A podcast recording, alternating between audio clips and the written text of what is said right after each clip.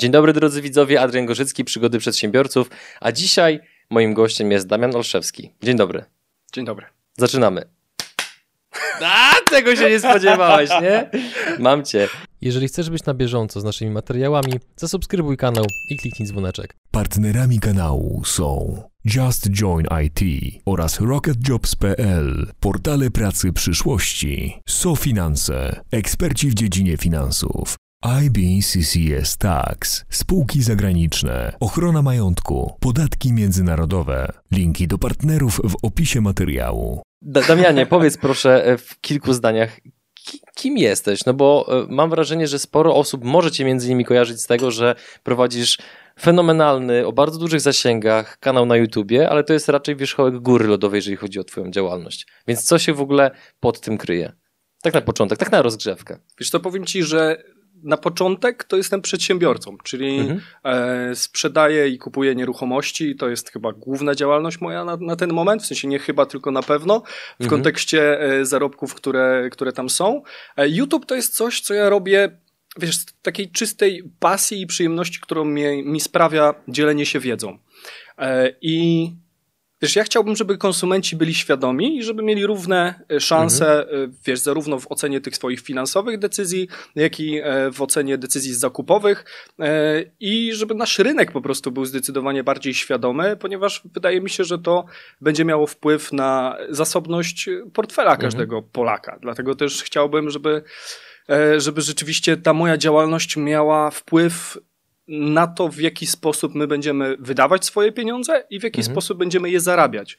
Chciałbym, żeby ludzie po prostu zarabiali więcej i wiesz, wydaje mi się, że pieniądz nie, nie, jest... nie wystarczy włączyć drukarki po prostu? nie, nie wystarczy. Niestety to jest e, problem rządzących, którzy nie zawsze to rozumieją i fala mm, pieniądza zalewa rynek e, od mhm. pandemii Mhm. Auć, kurczę. Rolex prawie się zbił. Tak, Rolex się zbił. w każdym razie to, to jest rola oczywiście rządzących, żeby ta drukarka nie chodziła cały czas, ale no i niestety chodzi i e, mhm. my odczuwamy tego konsekwencje, inflacja i tak dalej. Ale wracając do tego, kim tak. ja jestem, e, no to kwestia YouTube'a to jest, tak jak mówiłem, pasja, kwestia działalności takiej głównej to jest kwestia nieruchomości, które sprzedaję nałogowo w tej chwili. E, no i staram mhm. się to delegować na maksa. W październiku mam nadzieję, że gdzieś tam będziemy jeździć częściej na wycieczki, chyba zasłużone, bo ponad 10 lat no po prostu zapieprzam z językiem e, wywalonym. No chyba, że e, lockdown będzie kolejny. Chyba, że będzie lockdown kolejny, e, ale mam nadzieję, że jak będzie lockdown, to zatrzymam mhm. je na jakiejś rajskiej wyspie, a nie w Polsce, bo jednak od października ta pogoda jest coraz gorsza. Tego Ci absolutnie życzę, natomiast jeżeli chodzi o same nieruchomości, to chciałbym troszeczkę pogłębić temat, no bo a nasi widzowie są dość świadomi, jeżeli chodzi o powiedzmy bardzo szeroki zakres usług, które można świadczyć w kontekście nieruchomości. Ty bardziej się zajmujesz e, flipowaniem, czy może deweloperka, czy może podnajem, czy może robisz jeszcze cokolwiek innego. Jakby, gdybyś miał tak dokładnie sprecyzować, co robisz w przypadku nieruchomości oraz jaka jest tego skala. Wiesz co, wcześniej mieliśmy w Trójmieście około 100 pokoi e, i jakby zajmowaliśmy się podnajmem.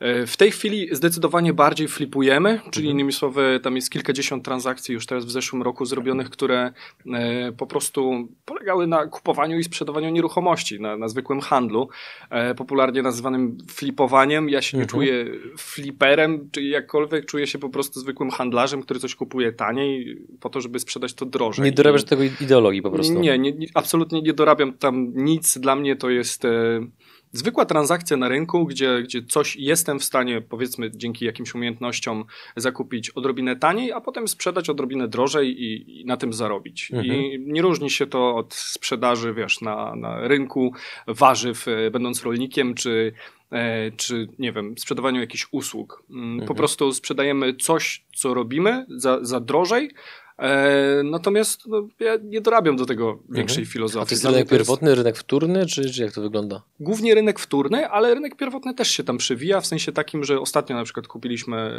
pakietowo nieruchomości, więc byliśmy w stanie kupić, e, wiesz, kilka naraz, które po prostu były odrobinę mhm. tańsze ze względu na, na jakąś tam skalę, nie? Mhm. Wspierasz się pieniędzmi inwestorów, czy tylko własne środki? Tak, wspieram się pieniędzmi inwestorów również, dlatego że jakby obrałem sobie też taki kierunek, myślę, że dość ciekawy, taki, że chciałbym być doradcą osób, które są popularne, czyli osób, które mają swoje jakieś 5 minut, mhm. czy to w internecie, czy to w sporcie, czy w muzyce i obsługuję teraz do 10 już się zbliżamy, e, taki, takie właśnie osoby, które Ciekawe. po prostu, e, wiesz, mają te swoje 5 minut, są w stanie wygenerować duże nadwyżki finansowe, ale nie zawsze są w stanie zrobić z nimi to, co należy. Mhm. E, w sensie z całym szacunkiem, ale wiadomo, że każdy dzieje się... po prostu. Tak, każdy, każdy jest w, tej, w tym swoim obszarze ekspertyzy, czyli mhm. no, lepiej, żeby muzyk po prostu śpiewał piosenki niż, nie wiem, kupował nieruchomości i wiesz, starał się pomagać pomnażać kapitał, bo może to mieć jakiś tam wpływ negatywny związany chociażby z tym, że trzeba na tą drugą sferę też poświęcić czas, na jego działalność artystyczną, a ta, ta działalność artystyczna jest przyczyną tego, że on te nadwyżki finansowe posiada. Mhm. E, tak samo z sportowcami, youtuberami czy innymi osobami i wiesz, ja staram się pomagać tym osobom w tej chwili w pomnażaniu kapitału w taki sposób, żeby one nie musiały zupełnie martwić się tym, e, mhm. czy te pieniądze są, czy ich nie ma, bo one cały czas są pomnażane na odpowiednim poziomie zysku i wiesz, ja zaczynałem e, oczywiście inaczej, zaczynałem od inwestorów takich indywidualnych, e, ale tam jest też mnóstwo problemów, z którymi e, nie chcę po prostu mieć do czynienia w tym momencie, na tym etapie. Jaki przykład problemu? Wiesz to przykład problemu... Generalnie inwestorzy indywidualni to są osoby, które mają jakieś pieniądze, często z biznesu, często z spadku, z jakichś innych przyczyn, które po prostu sprawiły, że mają 100, 200, 300, 500 tysięcy. E, I to są osoby, które nie zawsze się znają na, na inwestowaniu mhm. w nieruchomości, na pomnażaniu kapitału i są na tyle zachowawcze i na tyle po prostu e, w konsekwencji problematyczne e, obsługowo, że zajmuje znacznie więcej czasu obsługa, wiesz, po prostu koszty takiej organizacji wokół komunikacji z takim człowiekiem Czyli dużo jest zdecydowanie bardziej czasochłonna. Tak. Mhm. Wiesz, to nie, to nie czyni ich gorszymi czy lepszymi, ale w kategorii klienta e, po prostu wolę osoby, które zawierzają mi w 100% i ja efektami potem sprawiam, że, że ta ich mhm. decyzja była właściwa, e, aniżeli, wiesz, miałem taką sytuację kiedyś e, z panią, która się do mnie zgłosiła, tak dla przykładu, e, która najpierw e, wiesz, najpierw była konsultacja, która trwała powiedzmy z trzy godziny i ja pomogłem jej w materii e, mieszkania, które miała kupić i po prostu nie wtopiła jakichś 80 tysięcy złotych dzięki tej konsultacji, a potem e, mieliśmy współpracować razem. 700 tysięcy miała około e, i, i problem potem był tej natury, że ona poszła do prawniczki swojej od rozwodów i radziła jej się w kontekście decy- tak, radziła jej się w kontekście decyzyjności odnośnie, wiesz, nieruchomości, które ja chciałem zakupować. E, I okej, okay, w sensie rozumiem, że to była osoba, jej osoba bardzo zaufana, która, y, która po prostu mm, ważyła często na jej decyzjach.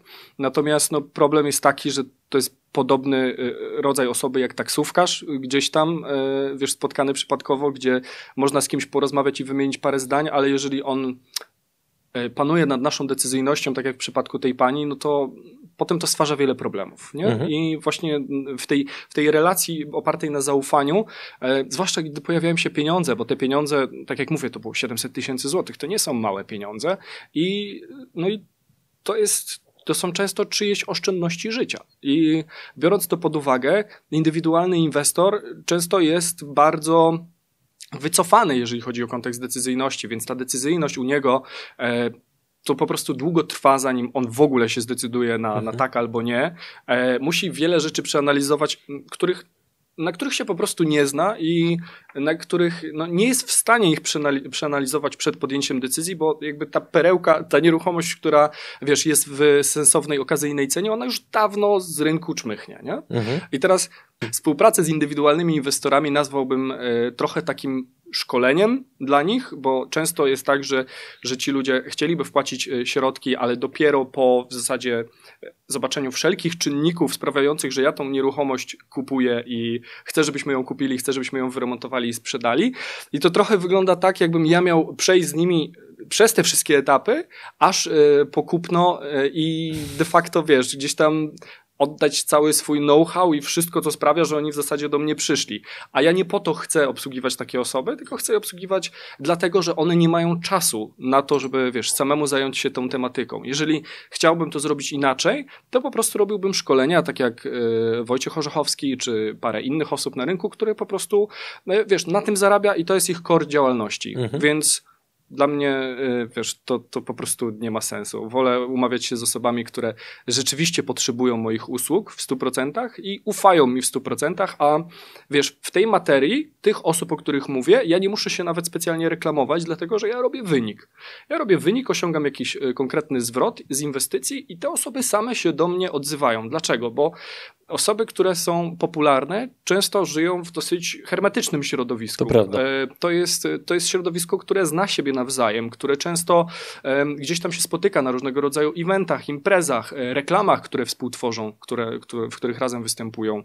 E, I wiesz, i potem sprawa wygląda tak, że jeżeli zrobisz dobrą robotę u jednego, no to jesteś polecany do drugiego, tak. trzeciego, czwartego, piątego i tak dalej. Nie? Mhm. Ja w tej chwili staram się jakoś zorganizować tą swoją pracę razem z zespołem tak, żeby być w stanie przyjmować większą ilość osób i robić to bardziej na skalę masową niż e, w tym momencie. Mhm.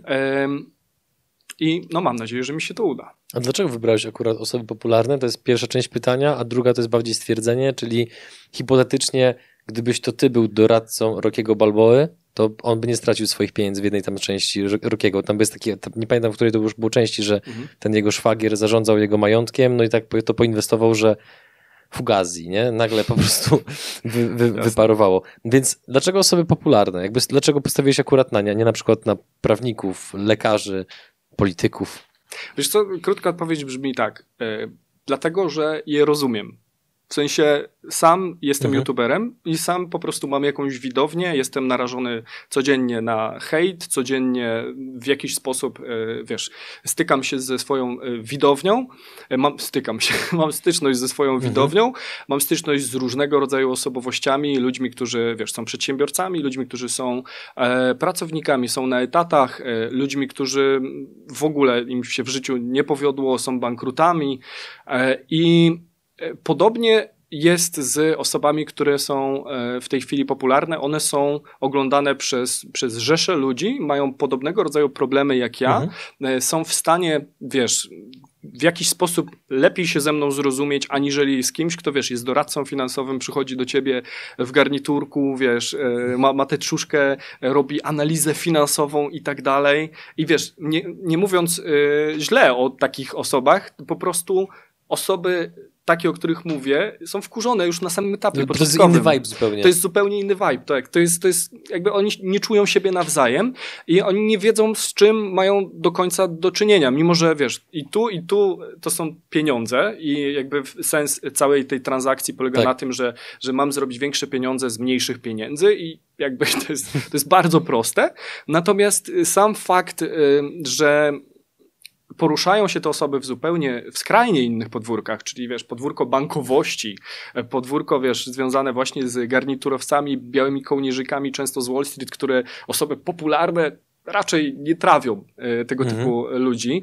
E, no i właśnie związane jest to z tym kijem w tyłku, który gdzieś tam u, uwiera w rozmowie i, i tak, tacy ludzie często są luźni, mhm. wiesz, ze względu na to, że oni no mają tych pieniędzy wystarczająco, żeby być w stanie pozwolić sobie być luźnym, e, nikogo nie udawać. Często no, te, te maski y, muszą zachowywać y, po to, żeby porozmawiać z kimś takim w banku, czy, czy gdzieś tam, e, wiesz, doradcy finansowym. A ja taką osobą nie jestem. Ja raczej, wiesz, staram się być, no zresztą sam mnie poznałeś niedawno, zapewne nie znamy się jakoś super długo, ale e, no ja nie jestem typowym garniturowcem. No nie, rozmowa z tobą jest taka bardzo przystępna. Nie chcę powiedzieć, że luźna, bo to byłoby zbyt daleko idące stwierdzenie, ale jest taka bardzo przystępna, że czuć, że nie budujesz bariery między jakby tobą a mną, tylko jest takie od razu możliwe skrócenie dystansu, rozmowa o paktofonice, wychowywaniu się na blokach, tuż przed nagraniem oczywiście. Natomiast powiedz mi, bo mm, na twojej stronie internetowej e, jest informacja o tym, że pochodzisz z niezbyt zamożnej rodziny. To jest prawda? Tak. Okej. Okay. Tak. Teraz jesteś człowiekiem już raczej, który może się uważać za osobę zamożną. Mhm. Więc jakbyś to skomentował, tą drogę, którą przeszedłeś. No bo to nie jest wcale takie oczywiste, że jak ktoś ma troszeczkę trudniejszy start, to że w perspektywie 10, 15, 20 lat wejdzie na poziom, na którym ty jesteś. A tobie się udało to zrobić. Jakie czynniki to spowodowały? Jak ta droga, jak ty tą drogę wspominasz na, na dzisiaj, te, te, te minionych powiedzmy 15-20 lat? Wiesz co, ja myślę, że głównie kwestia samozaparcia, czyli tego, że mimo, że się nie udawało, a nie udawało mi się wielokrotnie, mhm. to cały czas dążyłem do celu. I wiesz, ten cel obrałem sobie w sumie w wieku jakichś 15 lat, gdzie powiedziałem sobie, będę milionerem. W sensie nie będzie mi niczego brakowało. I wiesz, ja wtedy byłem mocno nastawiony na pieniądze, dlatego że wiesz, osoby, które były kiedyś biedne, pochodziły z jakichś e, skrajnie biednych rodzin, e, mam wrażenie, że są osoby, które po prostu są bardziej przyzwyczajone do tego, że pieniądz trzeba szanować, że e, tego pieniądza nie jest dużo, że wiesz, że trzeba umieć nim zarządzać, że y, trzeba wchodzić na coraz wyższą skalę zarobków. Wydaje mi się, że takie osoby, pomimo tego, że na początku mogłoby się wydawać, że one mają powód, żeby mieć żal do świata, to finalnie to było coś, co ich ukształtowało i co było jednym z decydujących faktorów, które sprawiły, że, że po prostu przezwyciężyły tą niemoc i bardzo, wiesz, w sobie skumulowały jak, jakiś rodzaj energii, który sprawia, że, e, że jesteśmy w stanie przezwyciężać różnego rodzaju bariery po drodze. I wiesz, tak jak w wieku 15 lat sobie stwierdziłem, że zostanę milionerem, tak wiesz, od razu sobie też ścieżkę układałem, czyli stwierdziłem, może prawnik, skoro wiesz, y, prawnicy generalnie dobrze zarabiają, wiesz, wtedy w wieku 15 lat to ja nie miałem za dużo pojęcia na temat finansów, na temat tego, jak zarządzać, wiesz, pieniędzmi, bo ja tych pieniędzy nie miałem, aczkolwiek mówi się, że zarządza się najlepiej, wiesz, od złotówki, a potem wzwyż, e, no ale prawda jest taka, że ze złotówką za dużo zrobić nie można. E, I e, wiesz, miałem prawnika w głowie, miałem lekarza w głowie, miałem finansistę i biznesmena. I teraz wiesz, przeszedłem przez taki proces eliminacji, że lekarz, kurde, 5, 7, 10 lat, wiesz, rozwoju takiego y, związanego ze studiami, fakultetami, jakimiś innymi rzeczami. Prawnik, dokładnie tak samo, wiesz, że możesz nie przejść aplikacji potem jeszcze na koniec i wiesz, tym prawnikiem czy tym adwokatem nie zostać.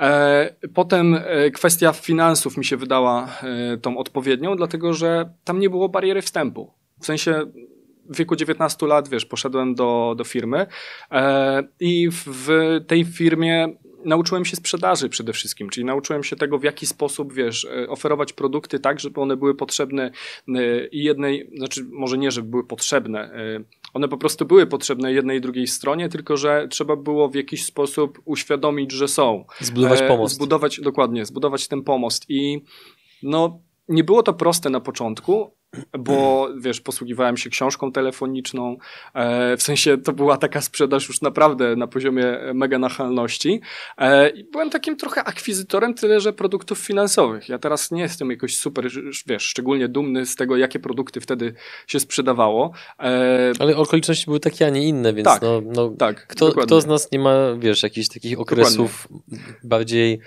jakby to powiedzieć, takich cieni w swojej tak. przeszłości? No każdy je ma. Więc wiesz, teraz bym pewnie trochę inne produkty sprzedawał. Mm, natomiast wtedy ukształtowała się we mnie taka, wiesz, samoświadomość związana z tym, że rzeczywiście wszystko zależy ode mnie, bo ja w tej firmie byłem wynagradzany tylko i wyłącznie prowizyjnie i ja od tamtej pory ja zawsze chciałem być wynagradzany prowizyjnie, dlatego że e, zobaczyłem w tym szansę dla siebie na bardzo wysokie zarobki, dlatego że będąc e, w ten sposób wynagradzanym nie miałem jakiejś górnej prowizji, górnego limitu, tylko mogłem sobie zarabiać tyle, ile rzeczywiście wypracowałem. Oczywiście nie zawsze ta prowizja była tak utkana, wiesz, w stosunku do mnie versus to, co dostawał pracodawca, żebym ja był w stanie wchodzić na nie wiadomo jakie, wiesz, e, poziomy, mhm. bo to jednak jest e, też biznes model, który jest e, krojony pod to, żeby, żeby przedsiębiorca zatrudniający też zarabiał dobre pieniądze. Zwłaszcza wtedy w tamtej firmie, ale nauczyłem się wielu specyficznych, mega przydatnych umiejętności, dlatego że musiałem odnaleźć się na podwórku, na którym większość osób nigdy nie było. W sensie, jak rozmawiam ze swoimi znajomymi, to naprawdę rzadko który jest w stanie pochwalić się tym, że kiedyś, e, wiesz, dzwonił z zimnych kontaktów, zaczepiał ludzi na ulicy, e, albo wiesz, robił takie rzeczy dosyć skrajne sprzedażowo, nie? Że większość ludzi miała jakieś, wiesz, kontakty z call center, większość ludzi miała, e, wiesz, jakieś lidy skądś, większość ludzi posługiwała się czymś tam. Ja nawet w rodzinie nie miałem za bardzo e, osób, do których mógłbym z tym uderzyć, dlatego że była moja matka, moja babcia, mój dziadek i długo, długo nic, bo jakby cała strona mojego ojca poumierała i, mhm. e, i wiesz, co też mnie doświadczyło gdzieś tam na pewnym etapie życia, ale no sprawiło to też, że ja wchodząc, nie wiem, do jakiegoś MLM-u, czy wchodząc do jakiegoś, e, do jakiejś finansowej firmy, nie byłem w stanie bazować, nie wiem, na kuzynkach, ciociach, wujkach i, i tak dalej, tylko od razu musiałem ruszyć, e, wiesz, do najlepiej, najbogatszego klienta, czyli obdzwaniać lekarzy, prawników, wiesz, jakieś inne osoby i próbować do nich dotrzeć, będąc osobą 19-letnią. Udawało ci się to? E, udawało mi się to. W sensie, wiadomo, na, na zasadzie metod y, prób mhm. i błędów. To nie było, wiesz, proste. Tam było, nie wiem, ze 100 e, na samym początku e, kontaktów, które musiałem wykonać, żeby mieć jedno spotkanie na przykład na samym początku. Także to jest, to była gehenna. To było straszne, ale wiesz, ja teraz wiem, że jak ktoś nauczy się pływać w błocie, to potem w basenie jest mistrzem. I mhm. wiesz, w tym momencie. Cenne zdanie. Y, I w tym momencie powiem ci, że ukształtowały się główne moje cechy, które do tej pory gdzieś tam we mnie są i które sprawiają, że, że często mhm. jestem w stanie przez różne bariery przejść, y, różne produkty sprzedać, wiesz, y, różne biznesy poprowadzić, tak żeby one były e, we, właściwy, we właściwym kierunku mm, rozwijane. Natomiast mm, to byś, mam wrażenie, że wiele z tych rzeczy by się nie wydarzyło, gdybym ja nie zaczynał właśnie w błocie. Wiesz, gdybym po prostu nie przeszedł przez, yy, przez ten stan, w którym większość osób nawet nie była, bo potem jak ja z tego błota wychodziłem i poszedłem na przykład do pierwszej takiej konkretniejszej firmy, do Open Finance, yy, to to wtedy tam byłem, tak jak mówię, no, w basenie czułem się świetnie, wiesz, można powiedzieć, że basen mnie nawet rozleniwił, bo wiesz, dostawaliśmy kontakty z call center. E, ja co prawda byłem akurat na takim stanowisku, że nie dostawałem ich zbyt wiele i przez to też znowu musiałem obzwaniać bazy po starych doradcach, wiesz, i znowu robić to samo, co robiłem wcześniej. E, I myślę, że przez to, że nigdy nie było mi łatwo, to nauczyłem się, wiesz, na tyle dużo sensownych umiejętności, że po prostu nie musi być łatwo w życiu. Mhm. I jakbym teraz na przykład trafił, wiesz, kompletnie na punkt zero znowu, albo zbankrutował, miał, wiesz, mil, minus milion czy coś, to wierzę głęboko, że jestem w stanie z tego wyjść, dlatego, że mam coś w głowie już w tej chwili ze sobą, że to, że wiesz, że jakby ten, ten poziom, który osiągnąłem, on nie wynika z tego, że ja coś od kogoś kiedykolwiek dostałem, że wiesz, miałem ojca bogatego, że nie wiem, jacyś inni ludzie mi pomogli. E, w sensie, oczywiście, na tej drodze ludzie mi pomogli, bo miałem wielu mentorów i tak dalej, osoby, które były po prostu lepsze. E, na przykład w przypadku w przypadku e, tych firm, o których mówię, finansowych, no to ja zawsze szukałem osoby, która była najlepsza w oddziale mhm. i wiesz, trzymałem się jej mocno za rękaw, za nogawkę, wiesz, po prostu byłem takim e, dzieciakiem, który nigdy nie odpuszczał, zanim nie stał się lepszy niż ta osoba, z którą, wiesz, ciągle przybywał albo jej mhm. słuchał. E, I starałem się brać najlepsze elementy od każdego z nich po to, żeby potem je utkać w własny schemat sprzedaży, we własny sposób, wiesz, mówienia, w własny pomysł na siebie. I myślę, że każdy z nas pewnie jest trochę, e, wiesz, w ułamku e, osobą, z którą spędzał dużo czasu, nie? tak się mówi, że, że wiesz, że te pięć osób, z którymi spędzamy najczęściej czas, kształtują nas potem. I tak było też w moim przypadku, że ja starałem się, wiesz, wybierać chyba podświadomie, aczkolwiek może też trochę wyczytałem w książkach Roberta Kiyosakiego, które wtedy, wiesz, czytałem, audiobooków bardzo dużo się nasłuchałem, czy to Dale'a Carnegie'ego, wiesz, w jaki sposób yy, zjednawać sobie, zjednać sobie ludzi. I czytam Har T. Harva Ekera, byłem na milionie różnego rodzaju eventów, wiesz, szkoleń takich, które e, polegały często na skakaniu i motywowaniu się i przybijaniu sobie piąteczek. Kto nie był? Ten amerykański styl. Mhm. E, w tej chwili no, ciężko mi sobie wyobrazić siebie tam znowu, natomiast myślę, że w tamtym momencie to było potrzebne i wiesz, spotkałem wiele pozytywnie zakręconych osób w tamtych miejscach. W pewnym momencie można powiedzieć, że byłem jakiegoś rodzaju event junkie, jak to się mówi e, w Anglii, że, że byłem taką osobą, która od eventu do eventu, wiesz, chodzi, poznaje tych ludzi i powiem ci, że w pewnym momencie jak jak w technikum w, w ostatniej klasie się czułem, że wiesz, wychodziłem na hol i wszystkim przybijałem piąteczki, bo w techniku miałem jakąś taką, wiesz, e, sposobność do tego, żeby rozmawiać z wszystkimi. E, taką cechę w sobie miałem, że wiesz, że chciałem zawsze gdzieś tam porobić z ciebie trochę głupka, żeby pootwierać trochę ludzi, żeby im, im ten, mhm. e, że tą maskę po prostu z twarzy ściągnąć. E, I udawało mi się to już w technikum, a potem, wiesz, e, na tych eventach było podobnie, że, wiesz, były sytuacje, w których ja wchodziłem na event i same piąteczki, wiesz, tak jak wtedy na holu w technikum, przybijałem ludziom, dlatego że E, dlatego, że ich wszystkich znałem i to byli ci sami mhm. ludzie. I to mi też uświadomiło jedną rzecz, że guys, what the fuck my tu robimy? w sensie, co my, co my tu robimy, jeżeli my ciągle, wiesz, od eventu do eventu, eventu na temat kreatywności, eventu na temat, wiesz, budowania biznesplanów, eventu na temat, nie wiem, e, motywacji, e, przechodzimy sobie, wiesz, od tygodnia do tygodnia, a de facto chyba nie mamy nawet czasu na implementację tych rzeczy, nie? I, to było, to było o tyle, wiesz, ciekawe doświadczenie, że, że w pewnym momencie zrozumiałem, że no nie tędy droga, że nie trzeba się spotykać co chwila z ludźmi, żeby zrobić, wiesz, coś ciekawego w życiu i żeby pociągnąć ten plan od punktu A do punktu Z, bo tego mi chyba najbardziej wtedy brakowało, że no nie ciągnąłem tego do końca, że wiesz, mhm. to było takie od punktu A, gdzie był pomysł, do punktu B, może przez C, przy D już tak sapałem trochę, że jest ciężko i że w sumie jest inny shiny penny, tak mhm. zwany, czyli wiesz, długopis, penny, tak, długopis, który gdzieś tam sobie świeci i, i mówi weź mnie i mhm. wiesz, tych pomysłów było co niemiara, natomiast realizacja zawsze kulała. A teraz już jestem trochę innym człowiekiem i gdzieś tam jak się zaprę, e, to tak samo na, wiesz, w, w mojej działalności YouTube'owej, gdzie co tydzień po prostu publikuję i tyle i co by się nie działo, nieraz się wali i pali, nieraz wiesz, syn wymaga, nieraz żona e, zaraz mnie kopnie w tyłek czy coś, ale pozdrawiamy małżonkę. Pozdrawiamy. E, w każdym razie e, w każdym razie na koniec e, i tak zawsze coś wymyślę, żeby doprowadzić e, ten stan rzeczy mhm. do końca i tak samo jest w biznesie, że staram się robić wszystko od początku do końca, a dopiero potem gdzieś z tej swojej zamrażalki pomysłów, bo dalej mam tych pomysłów co niemiara i myślę, że że to było moje chyba największe fatum w tym wszystkim, że zawsze tych pomysłów było tyle, że ciężko było re realizację, bo już się jarałem czymś innym. Bo wiesz, jakby już miałem, już miałem inny genialny pomysł. I wiesz, ja jestem ogniem tak zwanym, wiesz, ja tam dzielę sobie, że przedsiębiorcy są czasem wodą, czasem ogniem, czasem, e, nie wiem, lodem, jak już nic zupełnie nie wychodzi.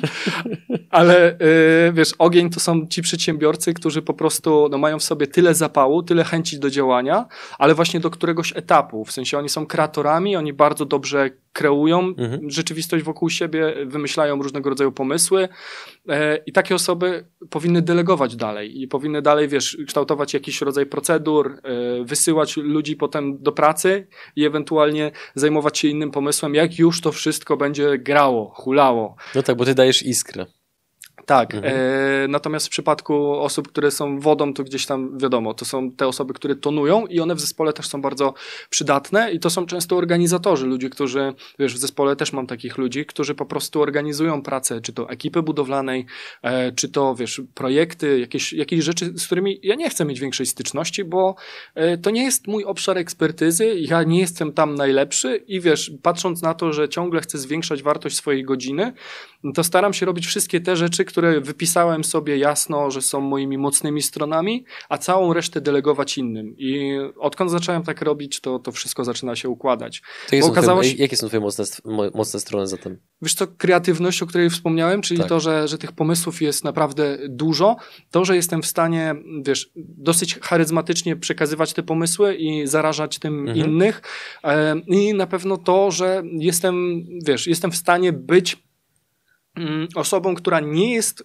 najmądrzejsza w pokoju. I, I nie mam z tym większego problemu. W sensie są ludzie, którzy są o wiele mądrzejsi ode mnie, czy to w moim zespole, czy, czy gdzieś tam wśród ekip, którym deleguję różne rzeczy i ja jestem z tym w pełni ok i mhm. dla mnie to jest naprawdę super, że ktoś może ze mnie ściągnąć. Czy to kwestie, wiesz, montażowe, których wcale nie muszę umieć i nie chcę umieć, czy to kwestie dźwiękowe, czy to kwestie scenografii, czy to kwestie z oświetleniem związane, tak, teraz mówię akurat o YouTubie, ale dokładnie tak samo jest w tej działalności nieruchomościowej, gdzie mam projektantkę, gdzie e, mam ekipy budowlane, które, wiesz, no czasami tam sobie młotem walnę w ścianę, bo, bo się wyżyję po prostu, jak mam gorszy dzień, a jak i, i jest coś akurat do ale e, z reguły to oni są odpowiedzialni za te zadania i mhm. Mm, wśród osób, które handlują nieruchomościami mamy takie e, powiedzenie akurat a propos e, ekip, że w życiu jest kilka pewnych rzeczy, śmierć, podatki i zmiana ekipy.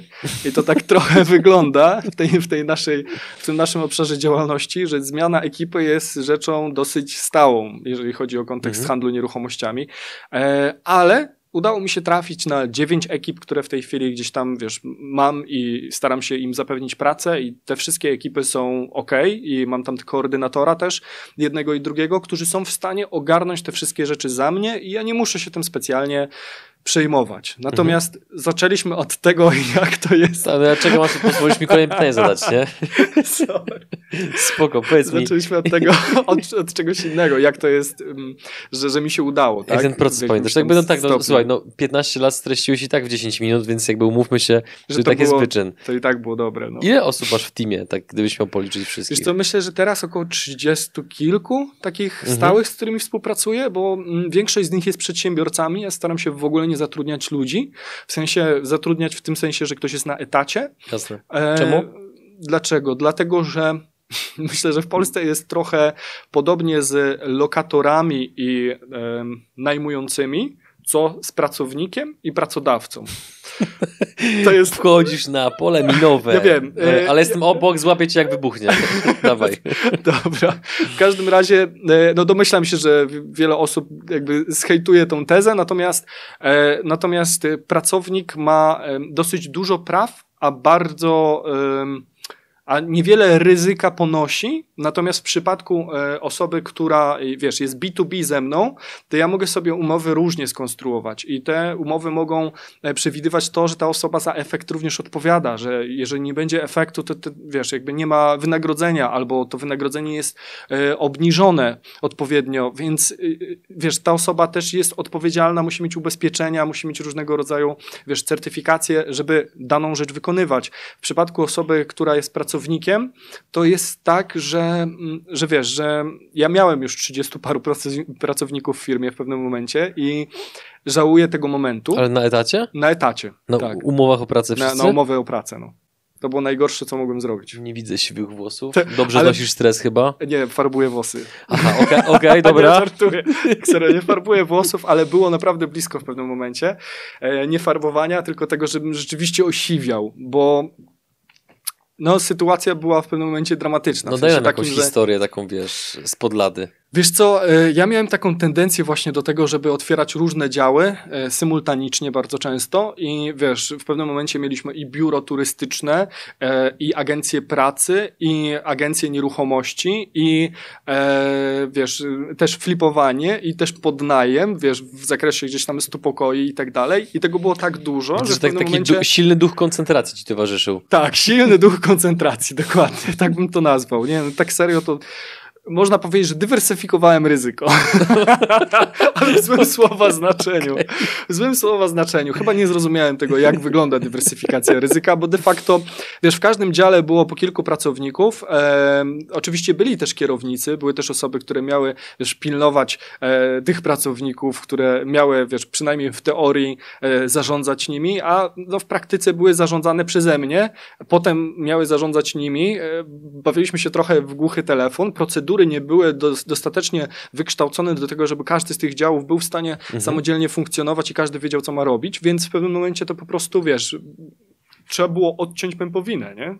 Mhm. A bardziej ewakuować się ze statku, który, wiesz, nie wiadomo było, gdzie, gdzie leci, nie? Razem ewaku... z Bezosem w kosmos. Jak się ewakuuje ze statku, który ma 30 pracowników na łopce? Jest to, e, jest to oczywiście kosztowna procedura. E, trzeba było zwyczajnie, wiesz, zwalniać ludzi, a ja wtedy nie byłem też przygotowany do tego nawet psychicznie, żeby być w stanie zrobić to tak, żeby właśnie odciąć po prostu pępowinę mhm. i w momencie, kiedy zorientowałem się, wszystkich, wiesz, e, zwyczajnie zwolnić, e, tylko tylko wiesz, tylko bardzo, e, bardzo stopniowo to robiłem, bo gdzieś tam sam ze sobą musiałem e, też przejść do porządku dziennego, że ja nie dałem rady jako przedsiębiorca i że jakby ten mój model biznesowy nie był e, wystarczający do tego, żeby ten biznes dalej skalować, żeby mhm. wiesz, każdy z tych działów był w stanie zarabiać odpowiednio. Wiesz, czy, jedne zarabiały. Czy takie przyznanie się Aha. przed sobą, przepraszam, że przerywałem, Jasne. ale to jest, nie chcę, żeby ten wątek umknął, Jasne. a masz dużą łatwość mówienia, więc czasami będę musiał po prostu się wbijać klinem. Wybacz od razu z góry. nie ma sprawy. Czy trudno dla ciebie było przyznać się przed samym sobą, że ten model się nie sprawdził? No bo to jest... Mega ma, trudno. Mam wrażenie, że to właśnie towarzyszy wielu przedsiębiorcom, że e, czy to próbujemy udowodnić sobie, czy otoczeniu, że dobra, jeszcze przetrzymam, jeszcze chwilę, uda się, już za rogiem będzie dobrze. Więc jak to u ciebie wyglądało? Wiesz co, ja mam dość wymagającą y, teściową. Okej, okay, I... zacząłeś dobrze. Kolejne pole minowe, kontynuuj. tak, pozdrawiamy y, mamusię. Kłaniamy się nisko. W każdym razie, e, dlaczego tak zacząłem? Dlatego, że wiesz, ona w pewnym momencie zaczęła mówić, że no to, to jest niemożliwe, żeby mieć 30 paru pracowników i żeby ten biznes dalej przynosił jakieś dochody. Więc ja miałem nie dość, że ją na karku gdzieś tam psychicznie, to się tak mówi, że wiesz, że to w sumie to, to osoba e, niezwiązana z, z moją rodziną w sensie takim, że no wiesz, e, nie jest moją żoną, nie jest moim dzieckiem, tak? Więc z tą taką bezpośrednią rodziną. Mhm. Natomiast i tak to miało wpływ na mnie, znaczący, wiesz, w kontekście tego, że ja chciałem coś jej udowodnić. Ja chciałem też udowodnić, wiesz, swojej matce, która, e, wiesz, też e, no, nie jest turbo przedsiębiorcą i wiesz, zawsze, zawsze pracowała na, na etacie, ale wierzyła we mnie i chciała, żebym, wiesz, ja ten sukces osiągnął, a nagle się okazuje, że ja tego sukcesu mam nie osiągnąć. Tak samo, wiesz, y, moi dziadkowie zawsze mówili, y, zwłaszcza dziadek, że nigdy na sól nie zarobię i wiesz, y, ja byłem zawsze w takiej, w takiej rodzince i w takim otoczeniu, które dosyć mocno stawiało na to, żeby no, szykanować każdy pomysł, który przychodził mi do głowy i sprawiać, że może Musiało to brzmi... być trudne.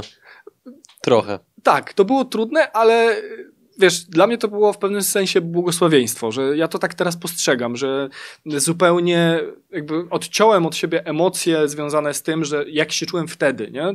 Teraz czuję, że to mhm. było coś, co mnie wiele rzeczy nauczyło i myślę, że w wielu sytuacjach właśnie ta energia, nie wiem, czy ona jest dobra, czy zła, zależy dla kogo. Energia związana z udowadnianiem czegoś komuś pociągnęła za sznurki u mnie bardzo często i raz okazywało się to czymś złym, ale jakby docelowo w tej chwili jestem zadowolony z tego, że, że, że, wiesz, że jestem w miejscu, w jakim jestem i myślę, że dalej gdzieś tam podświadomie część mnie chce coś komuś udowodnić. Mhm. I ta część mnie, która chce coś komuś udowodnić, sprawia, że wiesz, budzę się rano z energią i chcę dalej działać. Oczywiście ja już, wiesz, staram się nie myśleć w takich kategoriach, żeby e, udowodnić wszystkim coś, dlatego że już czuję sam się, wiesz, wystarczająco wartościowy sam ze sobą e, i wiesz, mam też e, kochające otoczenie, czyli moją żonę i wiesz, mojego syna.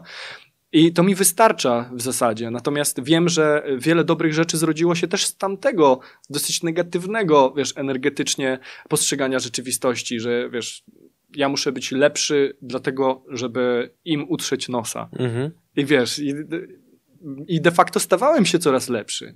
Mimo, że gdzieś tam ta noga się powinęła i trzeba było tych wszystkich pracowników wiesz, systematycznie y, zwalniać i że to było turbo trudne, bo zwolnienie, zwolnienie jednego pracownika jest zawsze, wiesz, przeżyciem, bo po prostu e, ja mam dosyć duży poziom empatii do, do drugiego człowieka i to po mamusi mam i wiesz, i to nie zawsze jest dobra cecha dla przedsiębiorcy, który czasami powinien być zimnym sam wiesz kim, nie? Dlatego, żeby wiesz. Excelowcem. Tak, dokładnie. Żeby być w stanie podejmować decyzje, które są zgodne z duchem dalszego rozwoju firmy, na którym bazuje tak naprawdę dalszy sukces czy rozwój mhm. wszystkich pracowników, całego kolektywu. A jednocześnie, wiesz, stawiałem na szali cały kolektyw po to, żeby, wiesz, dać jeszcze dwa miesiące komuś mhm. na, wiesz, wykazanie się, dlatego że, dlatego, że po prostu mm, było mi trudno go zwolnić. Mimo, Czy po że... tych doświadczeniach teraz zwalniasz szybciej? O wiele szybciej. Wiesz, ja myślę, że gdybym nie przeszedł przez tego, tego rodzaju doświadczenia, to na pewno byłoby mi znacznie trudniej teraz, e, wiesz, z wieloma decyzjami, takimi mhm. jak chociażby zwalnianie. Zwalnianie teraz dla mnie to jest raczej, wiesz, coś takiego. To nie zmienia faktu, że e, wiesz, zawsze gdzieś tam utożsamiam się z tym człowiekiem. Wyobraźcie sobie, że bierzesz, bierzesz łyk kawy, jest zimna pstryka, zwalisz pracownika. To tak nie wygląda. Nie, nie, nie, to tak nie wygląda. Ja oczywiście e, wiem, jak to brzmi i wiem, że to może być odebrane mhm. różnie, natomiast, e, natomiast uważam, że jedną z cech przedsiębiorcy powinna być zimna, wyrachowana kalkulacja, jeżeli ten człowiek chce rzeczywiście skalować biznes i chce, żeby ten biznes szedł w odpowiednim kierunku i nieraz musi być taka osoba gotowa do tego, żeby poświęcić jedno ogniwo z łańcucha po to, żeby cały łańcuch, wiesz, po mhm. prostu się nie, nie rozpierniczył w międzyczasie. Nie? Dzięki, że jesteś z nami i oglądasz nasze filmy. Chcielibyśmy przekazać Ci krótką informację. Przygody przedsiębiorców to nie tylko wywiady.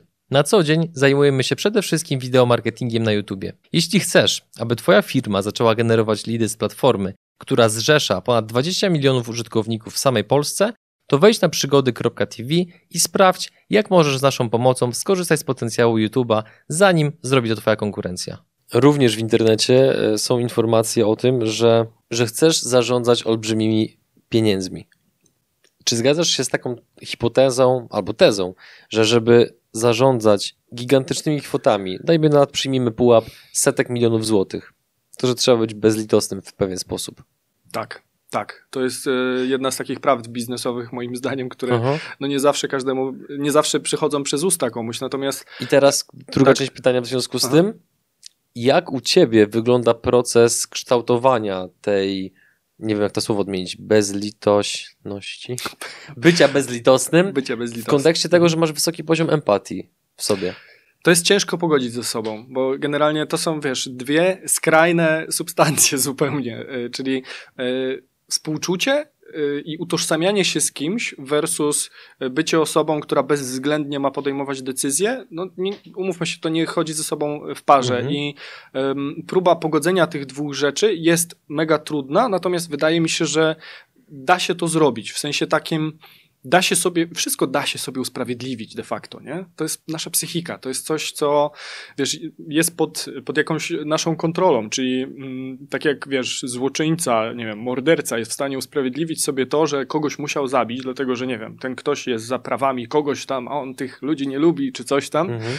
e, to, to wiesz, to tak samo i, i on jest w stanie oczywiście powiedzieć sobie, że to było dobre w związku z tym, że, że ta osoba już nie będzie robić tych czynów, które dla niej są karygodne, to tak samo przedsiębiorca jest w stanie sobie usprawiedliwić, jeżeli ma żelazne zasady, Wiesz, tu chodzi o kontekst wartości, czyli tego, że wiesz, dąży do, jakiejś konkret, do jakiegoś konkretnego rezultatu. Jeżeli dana osoba nie pasuje do tego schematu, w którym ten rezultat możemy osiągnąć, no to trzeba być bezlitosnym, czy też dana decyzja dąży do tego, żeby, wiesz, e, znaczy będzie kamieniem milowym do tego, żeby e, przejść dalej, czyli na przykład zarządzając, nie wiem, setkami milionów, jak to powiedziałeś, ktoś, kto prowadzi fundusz inwestycyjny na przykład, ciągle musi decydować o tym, a to często nie są jego setki milionów, podkreślmy to, wtedy to to dopiero jest decyzja e, karkołomna, ale taka osoba musi często właśnie decydować e, w myśl e, z interesem inwestorów, z interesem mhm. osób, który, które go zatrudniły i które sprawiły, że on, wiesz, to stanowisko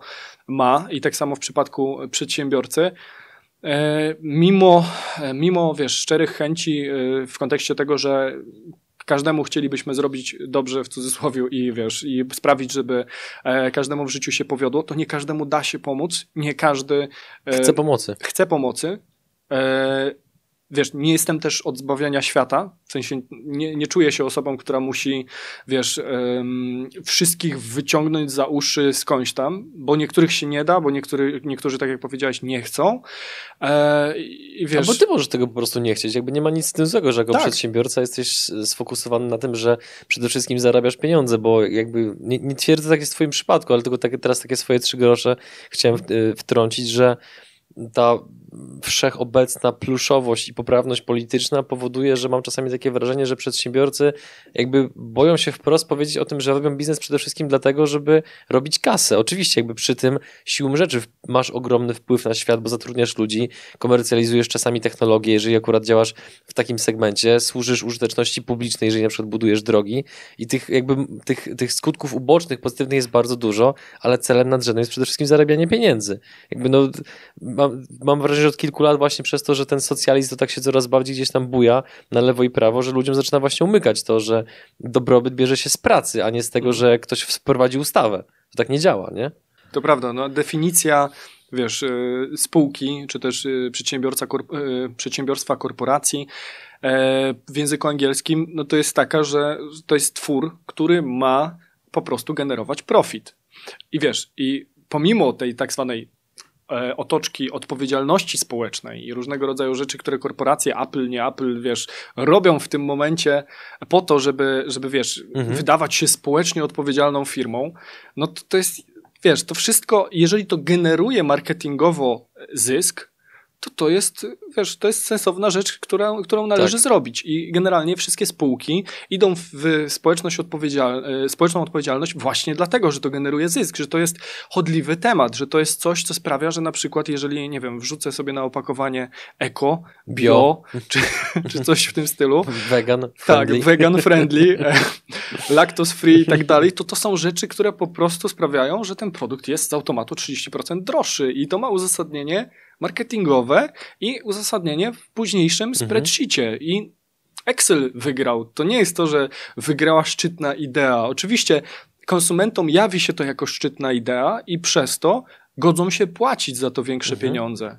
Dlatego okej, okay, póki będziecie chcieli za to płacić więcej, no to my wam dostarczymy różnego rodzaju produkty, które są, wiesz, tam e, z wolnego wybiegu i tam, wiesz, i jakieś inne rzeczy, które po prostu e, póki, wiesz, są zgodne z naszą, e, z naszą z naszym celem, czyli z tym, że po prostu chcemy zarabiać więcej pieniędzy, to będą dalej kultywowane. Mhm. I ja nie mówię, że to jest złe, bo jakby w ten sposób też wymuszamy, konsumenci wymuszają pewne decyzje na korporacjach i one nie są złe. W sensie to, że wiesz, będziemy mieli więcej produktów eko, czy to, że będziemy, nie wiem, lepiej traktować zwierzęta, czy bardziej używać e, OZE, wiesz, e, odnawialnych źródeł energii, e, zamiast węgla, czy jakichś mhm. innych rzeczy, które, które powiedzmy, że trochę bardziej zanieczyszczają, chociaż tam jest też wiele różnych teorii, więc nie chcę w to tak, bardziej to wchodzić. To jest grząski temat. To jest grząski, grząski temat. To to jest jednak jakiś pozytywny aspekt tego, jaką presję konsument mhm. jest w stanie wywołać na producentach. I dla mnie jako osoby, która, wiesz, skupia się na tym, żeby uświadamiać konsumentów, bo z tej świadomości bierze się dużo właśnie ciekawych zmian, które potem proponują firmy. Mm, tak, wiesz, dlatego zacząłem nagrywać materiały takie jak o Żabce, czy mhm. wiesz, o, o innych firmach, o Ikei, rozbudowując, wiesz, pokazując ich model biznesowy, uświadamiając konsumenta, jak to wszystko wygląda, gdzie to ma swoje, wiesz, plusy i minusy, gdzie się zarabia, gdzie się traci, jakie są koszty i tak dalej to ja sprawiam, że te osoby, znaczy przynajmniej w moim mniemaniu, dlatego to robię, taka jest moja misja, że ten e, nasz rynek konsumencki jest coraz bardziej świadomy i przez to też bardziej wymagający i przez to też yy, bardziej cywilizowany. tak, bardziej cywilizowany i pośrednio sprawiamy w ten sposób, że yy, jakby świadomy konsument wymusza te decyzje na firmach, takich jak Żabka czy inne, żeby te modele biznesowe bardziej kreowały pod e, czy to małego przedsiębiorcę, mhm. przedsiębiorcę, który prowadzi taki sklep, czy to e, pod producentów, z którymi współpracuje, nie wiem, Biedronka, czy rolników, od których e, biorą albo nie biorą wcale produktów po to, żeby postawić ich pod ścianą i tak dalej. To wiesz, jak konsument nie jest tych rzeczy świadomy, to on nie ma możliwości zrobienia czegokolwiek, co by w jakiś sposób stało w opozycji i wymusiło na tych dużych molochach jakiekolwiek decyzje, które byłyby proklienckie, mhm. prokonsumenckie. Póki my będziemy, wiesz, jeść odpady z Niemiec, Holandii, nie wiem, Włoch i tak dalej, e, w kontekście, nie wiem, sprowadzanych cebul czy innych, e, innych rzeczy, dopóty te osoby, które są w zarządzie, nie będą miały e, mhm. żadnej, żadnej, wiesz, inicjatywy e, nadrzędnej do tego, żeby podjąć decyzję, że hej, Polaków jednak tym nie karmimy. Tak samo jak w przypadku, wiesz, było Tesco, e, było Tesco, Tesco już nie ma w Polsce, w sensie, mhm. wiesz, większość tych sklepów się sprzedała, przejęło ich sklepy netto i tak dalej. i Kauflandy. Natomiast e, często pod filmem na temat Tesco miałem e, wypowiedzi osób, dlaczego się tak stało, e, że, że to był jednym z czynników głównych był, było to, że gdzieś tam dyrektor generalny w 2000 którymś tam roku powiedział, że e, Polakom dają żywność drugiej kategorii, czy tam trzeciej kategorii. E, I wiesz, w momencie, kiedy się to wydarzyło, to był tam chwilę skandal, potem wiesz, ludzie przeszli do, do, do porządku dziennego, tak naprawdę to nie jest główna przyczyna, dlaczego oni upadli, ale abstrahując od tego, to poruszyło jakoś opinią publiczną. To jakoś sprawiło, że wiesz, ktoś zwrócił na to uwagę, ktoś stwierdził, hej, może rzeczywiście jest tak, że ci ludzie no nie zawsze są fair wobec konsumentów i może czas powiedzieć sprawdzam i czas, wiesz, zrobić coś, żeby to się zmieniło. Mhm.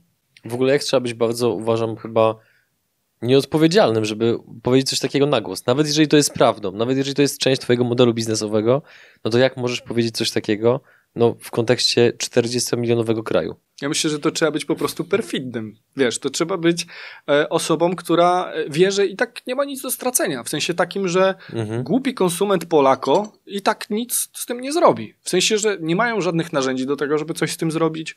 Jutro zapomną. Wiesz, to, to tak jest mhm. w tej medialnej sferze.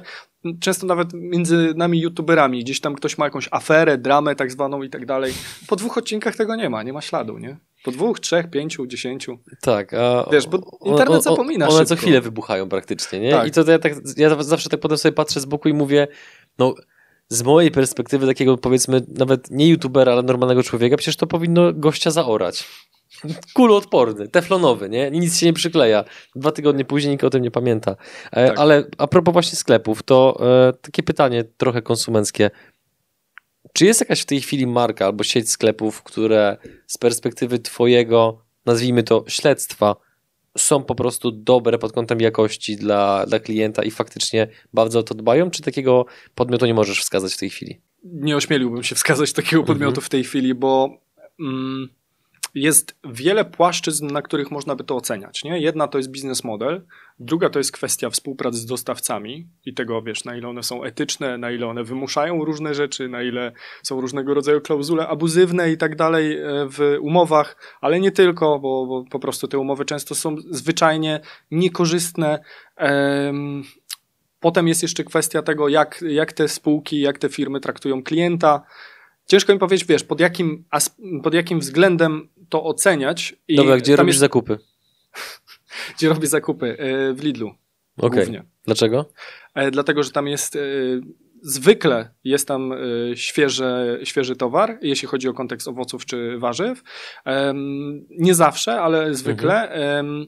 Zwykle, jeśli chodzi o kontekst czystości i tego, wiesz, w jaki sposób tam wyglądają alejki, jak, jaka jest obsługa na kasie i tak dalej, to jest to wyższy poziom niż Biedronka, e, czy nawet Carrefour, czy Auchan. Przynajmniej z moich doświadczeń, bo wiesz, ja nie byłem we wszystkich sklepach w Polsce, jeśli chodzi o te wszystkie marki. Byłoby ci ciężko pewnie. E, tak, i wiesz, nie oceniałem tego, ja oceniam własne podwórko.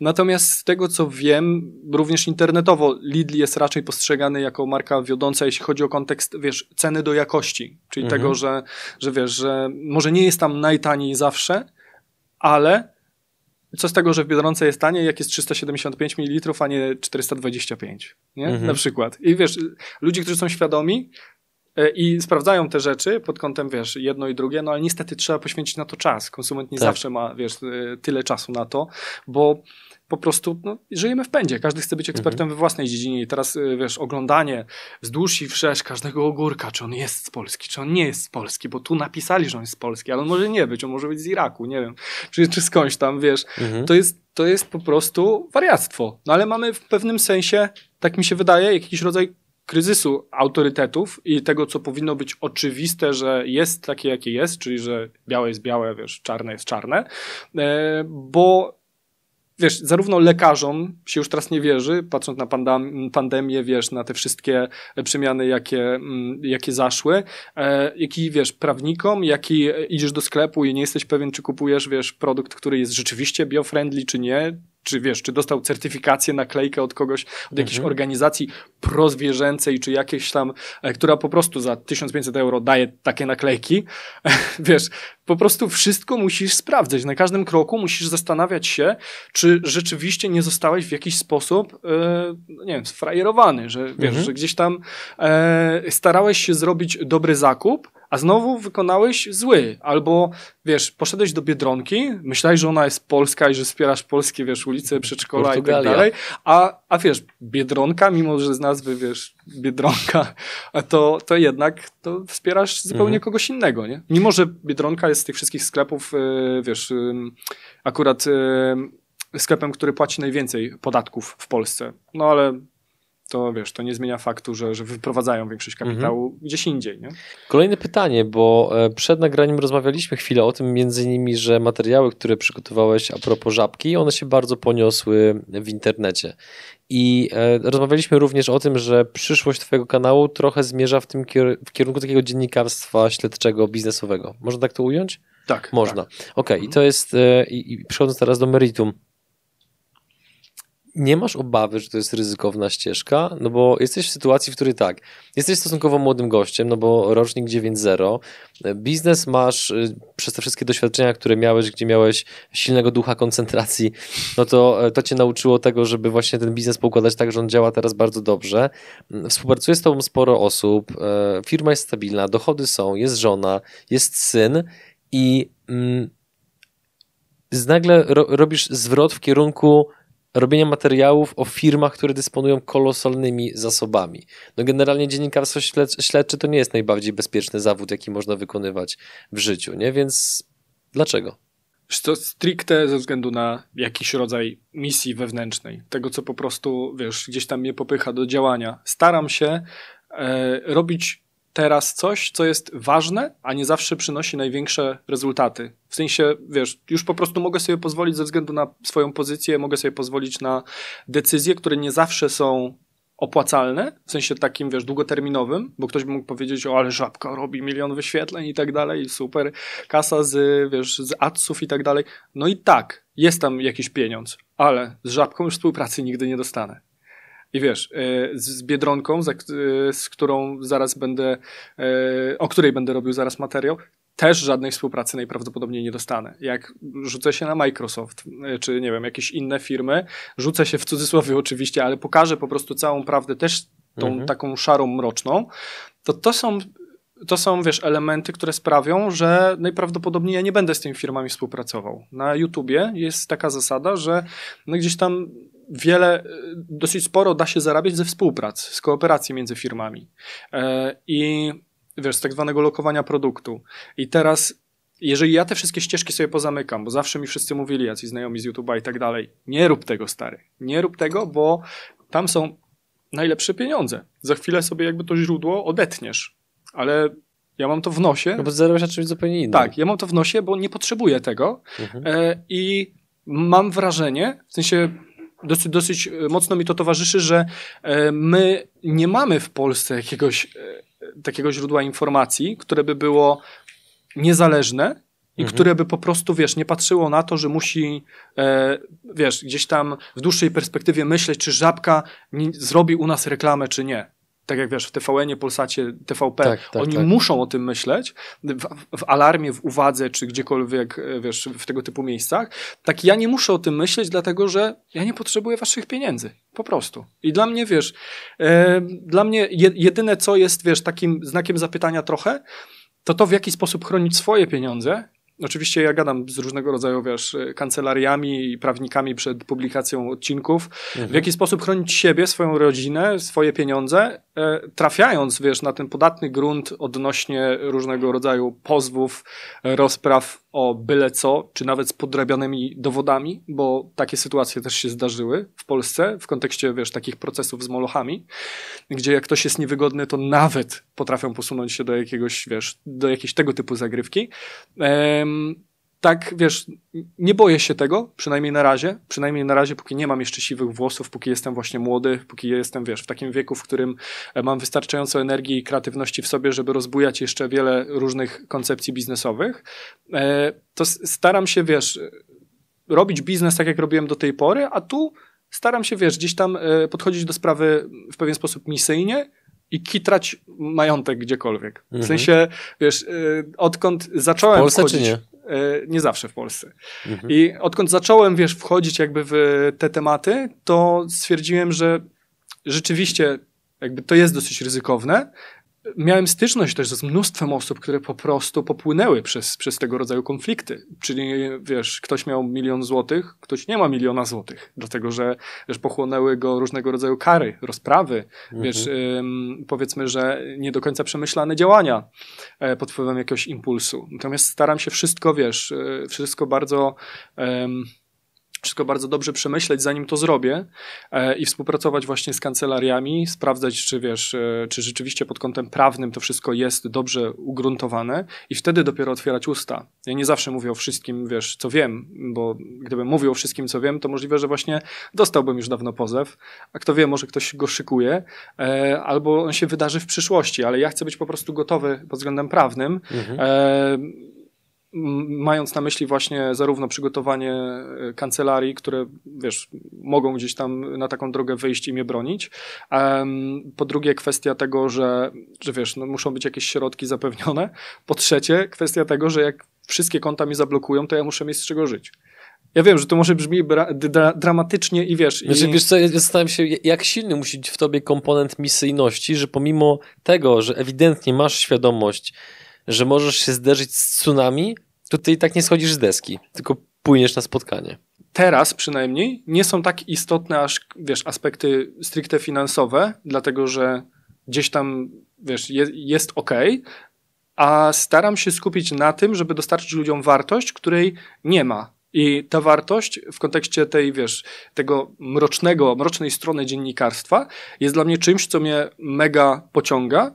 Wiesz, y, sprawdzam w ten sposób też siebie i swoje granice, bo nie ukrywam, że takie, taki kontent jak cała prawda jest bardzo, wiesz, energetycznie wymagający. I zderzenie się z tymi wszystkimi osobami, które e, zderzenie się, czy, czy, po prostu spotkanie się, wysłuchanie tych wszystkich osób, które są w jakiś sposób pokrzywdzone przez różnego rodzaju systemy, czy to MLM, czy to Ambergold, czy to, wiesz, bo ja wiele rzeczy robię symultanicznie w tej chwili, e, w sensie, że pracuję researchowo nad różnymi tematykami.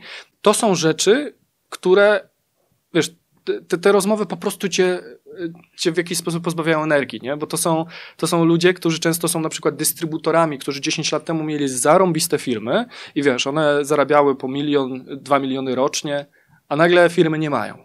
Dlaczego? Bo współpracowali na przykład z jakąś dużą firmą w Polsce i ta firma nie wypłaciła im pieniędzy, ucięła im kredyt kupiecki, który, wiesz, sprawiał, że oni wiesz, mieli dużo, dużo pieniędzy de facto w towarze, mhm. tego się nie czuje, ale potem jak ci ktoś, wiesz, kurek zakręci, to się okazuje i każe ci spłacać w ciągu 7 dni na przykład, to się okazuje, że, że ty tych pieniędzy nie masz i nagle na przykład x sklepów musisz oddać, wymiana zamków, i tyle, nie? W sensie mhm. no, nie było historii, nie? I wiele z tych osób gdzieś tam trafia e, wtedy mm, do, do różnego rodzaju miejsc, takich jak chociażby, e, wiesz, zakłady psychiatryczne, ma różnego rodzaju problemy, targa się na własne życie.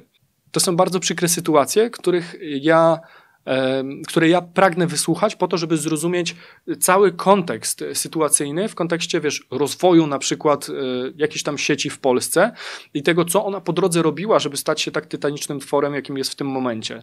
I jakie siły stoją za tym wszystkim. I de facto, wiesz, biorąc pod uwagę to, że my kiedyś e, żyliśmy, wiesz, w PRL-u i tak dalej, my akurat nie, ale kiedyś nasi rodzice czy dziadkowie żyli w PRL-u i tam różnie się sytuacje biznesowe załatwiało po tej transformacji, to jest tam wiele historii mrocznych, wiele powiązań, które wiesz, ciągną się nawet do dzisiaj, wiele różnego rodzaju wiesz, sytuacji, w których ktoś kogoś kryje i tak dalej. Ja nie o wszystkich z tych rzeczy mogę mówić, nie o wszystkich z tych rzeczy e, chciałbym też mówić, dlatego że wiesz, że mogą być już po prostu po bandzie dosyć ryzykowne, albo nie ma na nie, wiesz, niezbitych dowodów, e, są, poszlaki, są poszlaki. Tak, mhm. są poszlaki, oczywiście dosyć mocne, bo inaczej bym w ogóle, wiesz, jakby nie nadmieniał, że takie sytuacje się wydarzają, e, ale no ale wiesz, że żyjemy w kraju, w którym już nieraz się zdarzyło, że ludzie znikali, bo mówili niewygodną prawdę, nie? to, to, to, to nie jest teoria, ani teoria spiskowa. No, jakby nie będę teraz przytaczał nazwisk, bo to uruchomiłoby całą dyskusję, nie, nie o to chodzi, ale każdy z nas te przykłady zna. Że ktoś mówił zbyt głośno o czymś, nagle go dopadał seryjny samobójca. Dlatego jakby co, ja kocham życie. Mhm. nie masz problemów psychicznych. Nie mam problemów psychicznych. E, wiedzie mi się dobrze. I, no, I chciałbym jeszcze trochę pożyć. Także, mhm. także e, te, ten stan rzeczy mam nadzieję, że się nie zmieni. I szczerze mówiąc, ja liczę na to, że też mimo, że to jest Polska nadal, mimo, że nadal nie jesteśmy Zachodem, nadal nie jesteśmy tak samo otwarci w przyjmowaniu pewnych treści, e, jeśli chodzi o kontekst, wiesz, takiej wolności słowa ogólnie pojętej, e, to i tak mam nadzieję, że to pójdzie w kierunku Zachodu, czyli tego, co się dzieje w Ameryce i tego, że tam są normalnie dziennikarze, którzy piszą książki na temat, wiesz, różnego rodzaju e, zagwostek i rzeczy, które no nie, nie do końca z prawem zgodnie zgodnie, y, sorry, mhm. zgodnie z prawem zrobił na przykład, nie wiem, Volkswagen czy, e, czy jakieś inne firmy, wiesz, Apple, Microsoft i tak dalej. To są, to są, wiesz, mam nadzieję, że to jest przyszłość również polskiego rynku i że to dziennikarstwo będzie się rozwijać w tym kierunku i że ja być może pewien sposób przetrę szlak Czyli, że wiesz, sprawię, że dziennikarze może nie zawsze będą się już teraz bali tych wszystkich procesów mhm. sądowych i różnego rodzaju rzeczy, bo mam nadzieję, że ten mój szlak będzie wyglądał trochę inaczej i że ja ze względu na dosyć mocne przygotowanie do tego rodzaju drogi po prostu pokażę, że da się żyć bez ich pieniędzy i da się mówić prawdę, da się starać przynajmniej dążyć do tej całej prawdy. E, oczywiście jej się nigdy nie osiągnie w pełni, ale wiesz, warto moim zdaniem dążyć do tego, żeby, żeby jak najwięcej e, z tej szczerej prawdy okraszonej po prostu historią wydostało się na światło dzienne i sprawiło, że, że ludzie zaczną postrzegać rzeczywistość taką, jaka ona rzeczywiście jest, a nie taką, jaką ją się buduje w social mediach. Mhm. Bo Wiesz, biznes też ma swoją mroczną stronę. Ja wcześniej chciałem też nazwać to mroczna strona biznesu, a nie cała prawda, ale potem wpadłem też na, na, na, na taką nazwę. Natomiast. E, Myślę, natomiast... że bardziej trafna i taka. No, jest, jest lepsza. Tak. Jest lepsza, tak to, tak to ujmę. Cieszę się. W każdym razie mm, wydaje mi się, że ludzie powinni, wiesz, być świadomi zwyczajnie tego mhm. typu e, procederu. Tego, że te firmy no, nieraz szukają też drogi na skróty. Tak jak ludzie szukają dróg na skróty, tak te firmy też często szukają e, takiej ścieżki, która daje im największy, największą skalę zwrotu w jak najkrótszym czasie, a ta największa skala zwrotu no, może czasami być związana z czyjąś krzywdą, ale w Excelu się zgadzać. Mhm. Więc e, wiesz, więc fajnie było, żeby ludzie po prostu widzieli, kiedy, kto, co zrobił e, i pamiętali. Oby pamiętali. Tak, e, tutaj postawimy w naszej rozmowie kropkę. E, poproszę Cię że jeszcze, żebyś powiedział naszym widzom, mm, w jaki sposób widzowie przygód przedsiębiorców, też prawdopodobnie to są też częściowo widzowie twojego, twojego kanału, ale jak widzowie obecnie mogą Ci pomóc, biorąc pod uwagę to, co obecnie robisz? Czy to biznesowo, czy to pod kątem treści na YouTubie? Wiesz co, wydaje mi się, że po prostu możecie rzucić okiem na to, co tworzę na YouTubie i sprawdzić, czy to jest mhm. sensowne i czy to się Wam podoba, i ewentualnie dalej to pociągnąć, czyli po prostu mówić o tym, co tworzę na kanale. E, mhm. Jeżeli jest to dla Was wartościowe, no to, e, to myślę, że są, są ku temu powody. E, I jeżeli dotrę do większej ilości osób dzięki Wam, czy dzięki po prostu osobom, które zainteresuje tym kontentem, to jesteśmy w stanie w jakiś sposób e, tą świadomość konsumencką dalej szerzyć w tym kierunku, żebyśmy e, podejmowali świadome decyzje zakupowe czy biznesowe, to jest jedno, ale również zmusić w pewien sposób te firmy e, do tego, żeby, żeby one bardziej szanowały tego polskiego konsumenta, żeby one rzeczywiście chciały go tak usatysfakcjonować jak niemieckiego, angielskiego, czy, czy po prostu, yy, wiesz, nie wiem, mhm. osobę ze Stanów Zjednoczonych, bo konsumentowi w Polsce niczego nie brakuje, oprócz tego, że gdzieś tam my jesteśmy w, tej, w tym kapitalizmie od 25 lat. Yy, i krótko. Dokładnie, jesteśmy krótko i dlatego też te korporacje, które gdzieś tam po prostu zachowują się o wiele bardziej przyzwoicie. W Polsce pozwalają sobie na wiele, w Ukrainie na jeszcze więcej, czy, czy w Rosji. A, a być może. A być może po prostu jesteśmy w stanie sprawić, że, że nas zaczną traktować lepiej i po prostu ten polski konsument będzie szanowany, mimo tego, że płaci w mhm. złotówce, a nie euro, funcie czy dolarze.